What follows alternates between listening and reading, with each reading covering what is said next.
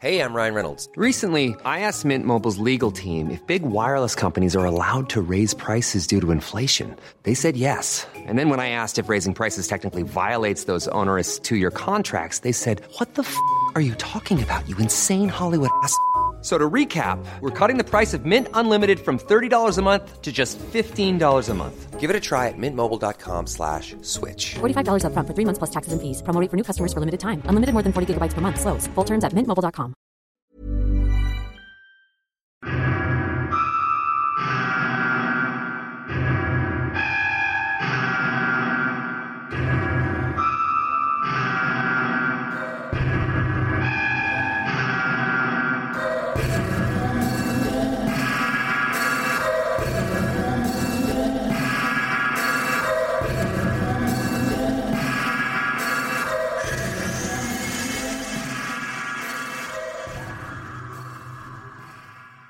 Välkommen tillbaka till Är det någon där?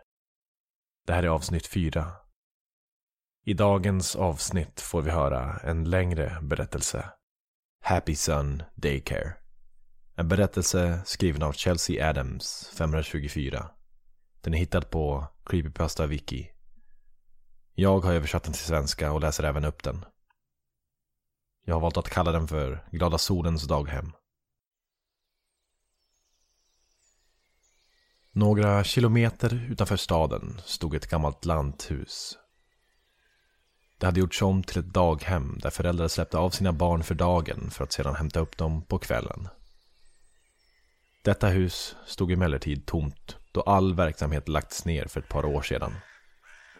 Några meter från huset på den främre gårdsplanen var en skylt placerad med texten Glada solens daghem med en söt tecknad sol målad på den. I den inhägnade bakgården stod en gammal lekplats med fallfärdig utrustning som börjat rosta sedan daghemmet lagt ner. En rutschkana, några gungställningar, en ställning för armgång och en karusell där det en gång kryllade med barn under deras utomhuslek. Detta hade nu blivit sittpinnar för de lokala fåglarna och ekorrarna och var numera täckt av myror istället för barn. Jag hade bestämt mig för att skriva en story om Glada Solens daghem för nyhetsbloggen jag jobbade för. Många av de nuvarande invånarna hade gått på just det daghemmet som små. Och jag tänkte att det skulle bli en intressant story att läsa om deras upplevelse där och om det påverkade deras senare liv på något sätt. Den andra anledningen var kanske inte lika oskyldig. Det hade funnits föräldrar som oroade sig över att lämna över ansvaret av sina barn i någon annans händer. Den konstanta oron över deras barns säkerhet Speciellt med alla skräckhistorier som cirkulerade online om diverse förskolerelaterade tragedier. Jag bestämde mig för att intervjua både de som varit anställda på daghemmet och de som hade gått där som barn för artikeln. Jag ville få med så många synvinklar som möjligt så att det inte skulle verka alltför partiskt. Självklart gick jag med på att inte använda deras riktiga namn för deras privatlivs skull. Den första personen jag intervjuade var en medelålders kvinna som såg efter de allra yngsta barnen på daghemmet. Vi kan kalla henne för Margareta. Hur var det att jobba på daghemmet? frågade jag henne. Hon svarade. Ja, det var inget spektakulärt. Som att arbeta med barn på vilket daghem som helst. Eller i mitt fall, bebisarna. Jag förstår, sa jag innan jag frågade. Stötte du på några problem under din tid på daghemmet? Margareta skakade på huvudet. Med bebisarna? Självklart inte. De kunde ju vara kinkiga men de var aldrig till någon besvär. De äldre barnen var en annan historia. Det väckte mitt intresse. Var barnen som gick på Glada Solens daghem för mycket för personalen att hantera? Eller kunde det vara en fråga om fall av aga eller misshandel som hållits hemligt tills nu? Jag var tvungen att ta reda på detta. Hur kommer det sig? frågade jag. Ja, Margareta stannade ängsligt upp för en stund som att det tog emot att prata om det med mig. Det var tillfällen då jag hörde dova gnyn eller tjut. Nej, inte tjut. Skrik. Först trodde jag att det var barnen som låtsades vara rädda men ju mer jag hörde det desto mer insåg jag att skriken var på riktigt. Att något skrämde vettet ur dem eller kanske till och med gjorde dem illa. Såg du någonsin barnen fara illa? Margareta nickade. Ja, det var mest typiska rivmärken och blåmärken som ett barn som ramlat medan de lekt eller slagit sitt huvud när de försökt imponera på sina kompisar. I vissa fall dock verkade det vara fel på något sätt. Lite då och då såg jag ett barn passera förbi på väg till sjuksyster. Och varje gång såg det ut som att barnet hade blivit riven eller till och med biten. Barn som blivit rivna eller bitna. Då började det ringa en varningsklocka för vem som helst. Ett vilt djur hade kanske bestämt sig för att bosätta sig nära daghemmet och ett eh, nyfikt barn kanske hade kommit för nära. Eller kanske var det en lös hund som hade hittat sig in på området och ett stackars ovetande barn ville klappa den. Fanns det djur i närheten? Beslöt jag mig för att fråga. Lösa hundar, tvättbjörnar, kanske ett råttbo? Jag tvivlar på det. Husdjur var inte tillåtna på daghemmet och fällor sattes upp på nätterna för att hålla vilda djur borta. Det kan dock ha varit en hund som rörde sig i närheten. Margareta skakade på huvudet. Det kanske var hunden som bet barnen, sa jag och pekade ut. Åh, jag hörde bara hunden, berättade hon. Jag såg den faktiskt aldrig. Allt jag hörde var enstaka morranden eller ylanden. Så Margareta hade bara hört vad som lät som en hund. Jag kunde inte utesluta möjligheten att hon kan ha misstagit ett ljud hon hört för ljudet av en hund. Hon kan ha hört några barn som låtsas varit hundar och misstagit dem för en riktig. Eller så kanske hon hade hört vinden och misstagit det för ylandet. Om så var fallet skulle det förklara rivmärkena och bitmärkena hon hade sett på några av barnen. Det var inte alltför långsökt att ett barn helt enkelt kunnat skrapa hans eller hennes arm på ett träd eller en del av stängslet. En olycka helt enkelt. Och med vad som för henne lät som en morrande hund kunde Margareta ha nått slutsatsen att barnen blev attackerade av någon slags herrelös hund. Men fortfarande, jag var tvungen att ta reda på mer om daghemmet. Med en möjlighet att det hela kunde vara en mörkläggning av en rad hundattacker. Jag tänkte att eh, nästa vettiga steg var att intervjua en av de före detta förskolebarnen. Kanske kunde någon av dem komma ihåg detaljer som potentiellt kunde ge lite klarhet i vad Margareta hade berättat. Efter lite grävande lyckades jag hitta en ung man som gick på Glada Solens daghem när han var fem eller sex. Vi kan kalla honom Scott. Jag fick fram att Scott arbetade på ett lokalt slakteri. Jag fick vänta på att hans skift skulle ta slut innan vi kunde påbörja intervjun. Som tur var var inte väntan allt för lång. Och det gav mig lite tid att fundera över vilka frågor jag skulle ställa honom. Minns du någonting från din tid på Glada Solens daghem? Frågade jag. Jag vet att det var länge sedan för dig, men kan du kanske komma ihåg någonting? Scott tänkte efter för ett ögonblick innan han svarade.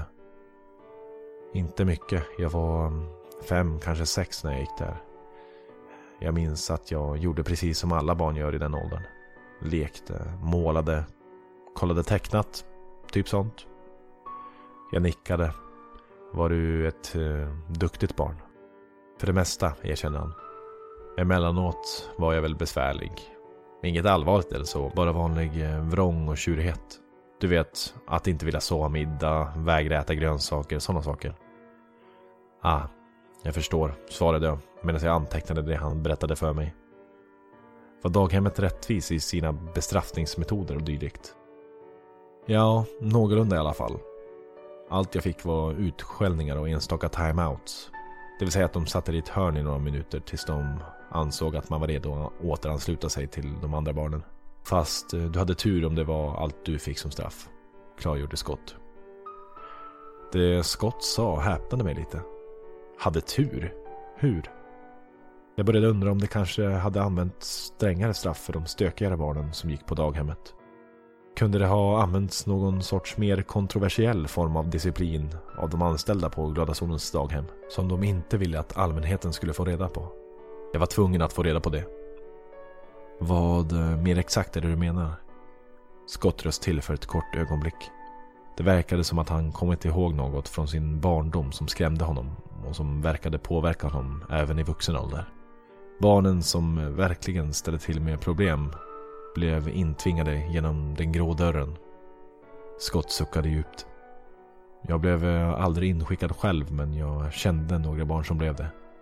De som hamnade i bråk eller som fick stora raseriutbrott. Det slutade med att de gick in i rummet. Jag vet inte vad som hände där inne.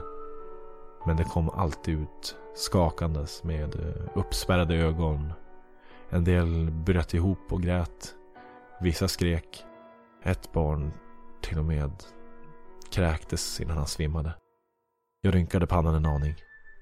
Vilka fasor hade ägt rum där inne i rummet? Som hade fått namnet Den grå dörren. Jag kom då ihåg vad Margareta hade berättat för mig och beslöt mig för att undersöka om det kanske fanns någon koppling mellan hennes berättelse och vad Scott just hade berättat.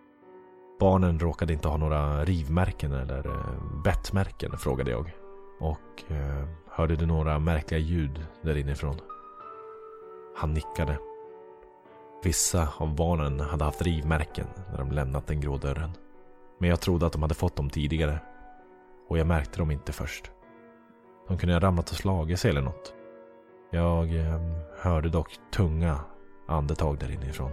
Men eh, det kunde ju lika gärna ha varit någon andfådd unge som flämtat efter att ha sprungit för mycket.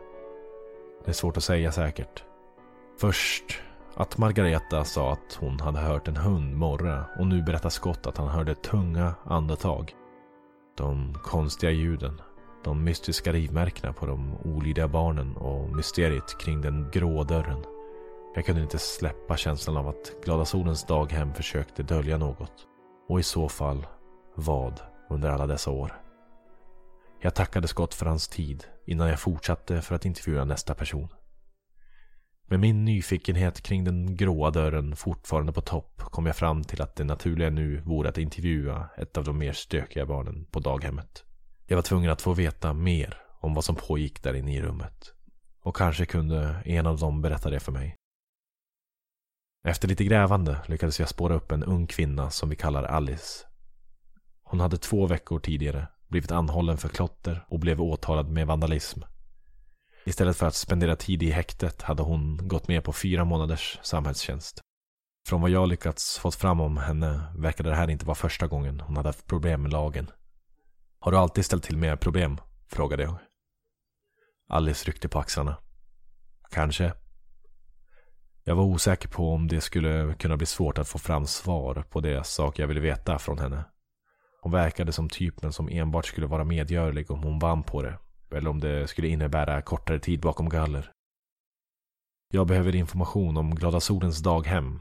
Jag gestikulerade mot henne. Kommer du ihåg något om eh, den grå dörren? För ett ögonblick uppfattade jag fruktan i hennes ögon. Hon blev blek medan ett par svettdroppar rann ner längs hennes panna. Det, det, det var så länge sedan, påpekade Alice. Jag svarade. Någonting måste du komma ihåg. Dokument tyder på att du var i tioårsåldern när du gick där. Är du säker på att du inte minns något? Alice tog några djupa andetag och lyckades lugna sig en aning. Om det räckte med att nämna den grå dörren för att hon skulle känna rädsla efter alla dessa år kunde jag inte hjälpa annat än att känna fruktan över de fasor som hon potentiellt kunnat uppleva. Här satt någon som hade problem med lagen. Någon som blivit anhållen för diverse brott. Primärt stöld, vandalism och olaga intrång. Men trots detta var det något från hennes barndom som orsakade störst rädsla för att bli bestraffad. Varför? Okej, jag berättar väl då. Men du måste lova att inte berätta att jag sagt något. Förstår du det? suckade Alice. Jag kommer inte att avslöja några namn. Det kommer att vara strikt konfidentiellt, försäkrade henne. Okej, du förstår, jag lekte ute i lekparken, började hon att förklara. Jag minns att jag ville gunga. En annan unge påstod att han redan hade paxat gungorna för sig själv. Innan jag visste ordet av det bråkade vi högljutt. Jag tappade kontrollen. I nästa sekund låg han på marken och grät. Jag måste ha knuffat honom när vi bråkade. En av fröknarna greppade mig hårt i armen och drog in mig. Hon sa att jag skulle in i vad de andra barnen kallade för den grå dörren, rummet, som straff. Vad fanns i rummet? frågade jag förväntansfullt. Alice tog ett nytt djupt andetag, rös och suckade. Rummet eh, var tomt för det mesta. Jag minns att golvet bara var trampad jord och att den enda ljuskällan var en gammal ensamt hängande glödlampa som knappt lyste upp någonting. Fröken knuffade bara in mig och slog igen dörren. I början försökte jag att banka på dörren och skrika. Jag ropade efter vem som helst att de skulle släppa ut mig. Det var så mörkt och kallt och jag var så rädd. Och eh, ja, jag, jag hörde någonting. Någonting var bakom mig. Jag vände mig om och jag minns att jag skrek högre än jag någonsin gjort i mitt liv. Jag såg oroligt på henne. Vad såg du? En hund. Eller, jag tror i alla fall att det var en hund. Hon ansträngde sig för att hålla tillbaka tårar. Jag såg den aldrig så tydligt eftersom det var så mörkt. Allt jag eh, kan minnas var att det var den största och fulaste hunden jag någonsin sett. Den hade glödande gula ögon, stora vassa tänder och var täckt av svart tovig päls. Och innan jag hann reagera så morrade den till och gjorde utfall mot mig. Jag sprang så fort jag kunde. Jag skrek och bad att någon skulle komma och rädda mig. Den bet tag i min kjol och försökte dra mig till sig. Jag snubblade och föll, men lyckades sparka den i ansiktet några gånger. I ett försök att få den att släppa taget. Då gjorde den utfall igen. Men som tur var för mig öppnades till slut dörren och en av fröknarna drog ut mig ur rummet och slog igen dörren precis innan hunden fick tag i mig. Så det fanns en hund trots allt. Pusselbitarna började falla på plats. Margaretas berättelse om att höra skrik om morgonen. Scotts berättelse om de skräckslagna barnen som blivit skickade till det grådörren rummet. Och nu Alice berättelse om att ha blivit skickad till rummet och blivit attackerad av någon slags stor och vildsint hund. Men fortfarande behövde jag veta mer. Varför använde de sig av en hund? Varför eh, mörklade de det? Kanske var det personalen på Glada Solens daghem som var rädda att ett sådant typ av straff var för extremt att använda på barn. Eller de kanske var rädda för att bli stämda av någon eh, djurrättighetsgrupp. Jag tackade Alice för hennes tid och begav mig av för att hitta nästa person att intervjua. Kanske ännu en av de anställda. Med lite tur kunde jag kanske få en av dem avslöja vad som försiggick i den grå dörren rummet. Än en gång började jag rota runt i dokumenten av alla som någonsin jobbat på Glada Solens daghem. Det tog lite tid att hitta någon som ville prata med mig. De flesta av de före detta anställda var antingen för upptagna eller ville helt enkelt inte bli intervjuade. Några av dem yttrade en rad svordomar också. Jag kunde inte avgöra om det var på grund av att de var arga över att jag lärt mig om vad som försiggick på daghemmet för alla dessa år sedan. Eller om de var rädda för vad som skulle hända om de avslöjade mer detaljer för mig. Trots detta lyckades jag till slut hitta åtminstone en person som var villig att berätta för mig om hans erfarenhet att jobba på Glada Solens daghem. Mr Smith, som vi kommer att kalla honom, jobbade som vaktmästare på daghemmet när det fortfarande var verksamt. Han hade lyckats fått jobbet enbart via kontakter och hans faster ansvarade över ett av huvudkontoren där. Hur som hade Mr Smith för ett antal år sedan flyttat till en annan stad i samband med stängningen av daghemmet. Detta innebar att jag inte kunde intervjua honom personligen, så vi kommunicerade via e-mail. Mr Smith förklarade att han lidit av någon form av narkolepsi sedan han var i tonåren hon led även av att gå i sömnen. Läkare kunde inte avgöra orsaken till hans tillstånd. Men de kunde inte heller hitta några andra hälsorisker kopplade till det. Detta gjorde det fortfarande svårt för honom att hitta arbete dock. Han berättade att han var tacksam att hans faster lyckades fixa en anställning åt honom på Glada Solens daghem. Jag hade så många frågor, men jag var osäker på vilken jag skulle ställa först. Efter jag fick det första svaret skrev jag tillbaka till honom. Jag ville veta hur han lyckades behålla sitt jobb trots hans tillstånd. Behandlades han med medicin? Hur behandlade de andra anställda och barnen honom? Några dagar gick innan jag fick något svar. Jag öppnade ivrigt meddelandet från Mr Smith och började läsa.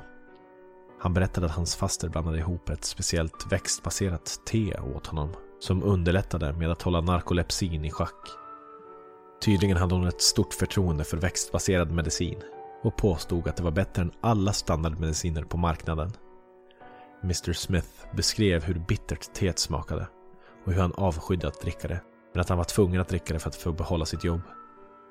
Vid tillfällen dock tog löven som hans faster bryggde teet på slut, vilket resulterade i att han somnade. Detta väckte en anställds uppmärksamhet och fick personen att söka upp Mr Smith för att se till att han inte oavsiktligt gjorde sig själv eller någon annan illa. Angående hur de andra behandlade honom förklarade Mr Smith i sitt mail att barnen generellt var väldigt snälla mot honom. De flesta var ganska nyfikna och brukade fråga honom en del frågor medan han arbetade. En annan del var generellt odågor men han kunde inte minnas att de var till allt för stort problem. Å andra sidan betedde de andra anställda sig ängsligt kring honom. Han pekade även ut att hans faster alltid höll ett ständigt vakande öga på honom. Han var osäker på om det var på grund av hans tillstånd eller av någon annan anledning. Detta faktum väckte bara fler frågor i mig. Varför var de anställda ängsliga kring honom? Var det på grund av hans koppling till en av cheferna? Eller fanns det en annan anledning? Och sen var det det faktum att hans faster ständigt höll koll på honom. Kanske försökte de hålla detaljerna om den grå dörren hemliga för honom. De kanske oroade sig över att han skulle hitta hunden och kontakta polisen.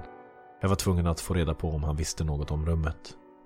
Jag svarade snabbt på det han hade skrivit och frågade om han visste något om ett stort, tomt rum och om barn som blivit attackerade av någon sorts stor hund. Det gick ytterligare några dagar innan jag återigen fick ännu ett svar av Mr Smith. Jag öppnade mejlet och började läsa. Han påstod att han inte kunde minnas någon hund på daghemmet. Faktum är att han påpekade att djur inte var tillåtna på området och att en av hans arbetsuppgifter var att gillra fällor åt ekorrar och möss för att hålla dem borta från daghemmet. Hans faster var väldigt strikt över att inte tillåta husdjur där heller. Mest troligt på grund av allergier hos barnen. Mr Smith förklarade i hans svar att hunden som Alice påstått attackerat henne kanske var någon i en utsliten billig hundkostym. Det rummet hölls knappt upplyst så att barnen som straffades inte skulle kunna urskilja att hunden var fejk. Och att rivsåren och betten bara var ett resultat av att barnen ramlat och skrubbat sig själva där inne. Till min förvåning berättade han att han själv varit i rummet vid flera tillfällen. Märkligt nog pekade han ut att detta ägde rum då han inte druckit sitt te och att han brukade vakna upp i rummet. Han var osäker på hur han hamnade där. Om någon helt enkelt flyttat honom när han somnat. Så att han kunde sova utan att vara i vägen för någon. Eller om han hade gått i sömnen igen och bara snubblat in i rummet av misstag. Mr Smith förklarade att rummet ursprungligen var planerat att fungera som ett förråd för diverse konst och pysselrelaterade tillbehör och redskap. Men som aldrig färdigställdes på grund av nedskärningar i daghemmets budget. Han skrev i sitt svar att fasten inte ville låta rummet gå till spillo så de bestämde att rummet skulle användas i syfte att disciplinera barn. Han var övertygad att någon köpt en hundkostym och klädde sig med den där de terroriserade barnen som blivit inskickade i rummet i syfte att etsa in rädsla för bestraffning i dem. Jag skickade ett sista mail till Mr Smith och tackade honom för att han tog sig tiden att svara på mina meddelanden. Pusselbitarna för Glada Solens daghem började falla på plats från den informationen jag samlat genom de diverse intervjuerna av både de anställda och de som hade gått på daghemmet så blev barn som misskötte sig skickade till ett utrymme som de kallade den grå dörrenrummet. Att det där inne fanns en hund eller någon som bara var utklädd till en hund som då jagade barnen som blivit inskickade där. Och slutligen blev barnet utsläpat till säkerhet innan hunden fick chansen att orsaka allvarlig skada. Det återstod bara en sak. Att besöka daghemmet. Och undersöka det ökända grådörrenrummet personligen. Jag var tvungen att själv se och avgöra om det fanns något som kunde lösa denna konstiga mörkläggning. Flertalet minuter passerade när jag körde längs landsvägen i riktning mot den övergivna byggnaden. Jag parkerade bilen på uppfarten vid framsidan av huset och tog några djupa andetag. Framdörren var som tur var olåst. Jag sköt försiktigt upp dörren och började undersöka insidan. Insidan var smutsig och täckt med ett lager av damm. Spindelnät hängde från skrivbord och stolar som inte använts under en längre tid.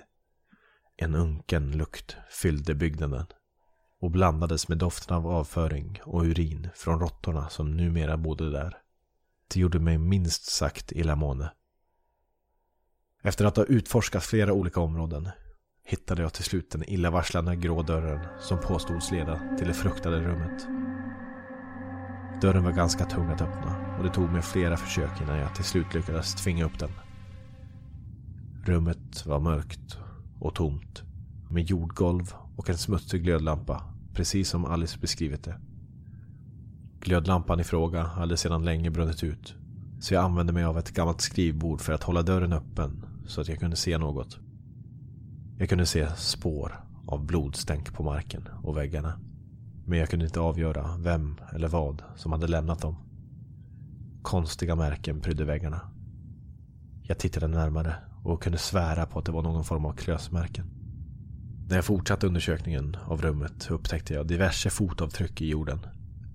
Många hade börjat försvinna eller hade blivit täckta av andra. Men jag kunde fortfarande urskilja några stycken. De flesta var fotavtryck från barn. Det såg ut som att barnen hade flytt från något. Det fanns dock ett distinkt par avtryck som fångade min uppmärksamhet. Jag undersökte dem nära. Jag kunde tydligt urskilja den klara formen av trampdynor, klor och enskilda tår på åtminstone ett av avtrycken. Det här var inte en person i en billig kostym. Glada Solens daghem hade använt sig av en hund för att terrorisera barn. Folk måste få veta vad som försiggick där och vad de hade hållit gömt i alla dessa år. På väg ut från daghemmet, gåendes mot min bil dock, kunde jag inte släppa fotavtrycken och hur det var något som var fel med dem och som väckte ett otroligt obehag inom mig. Sen när går hundar på två ben?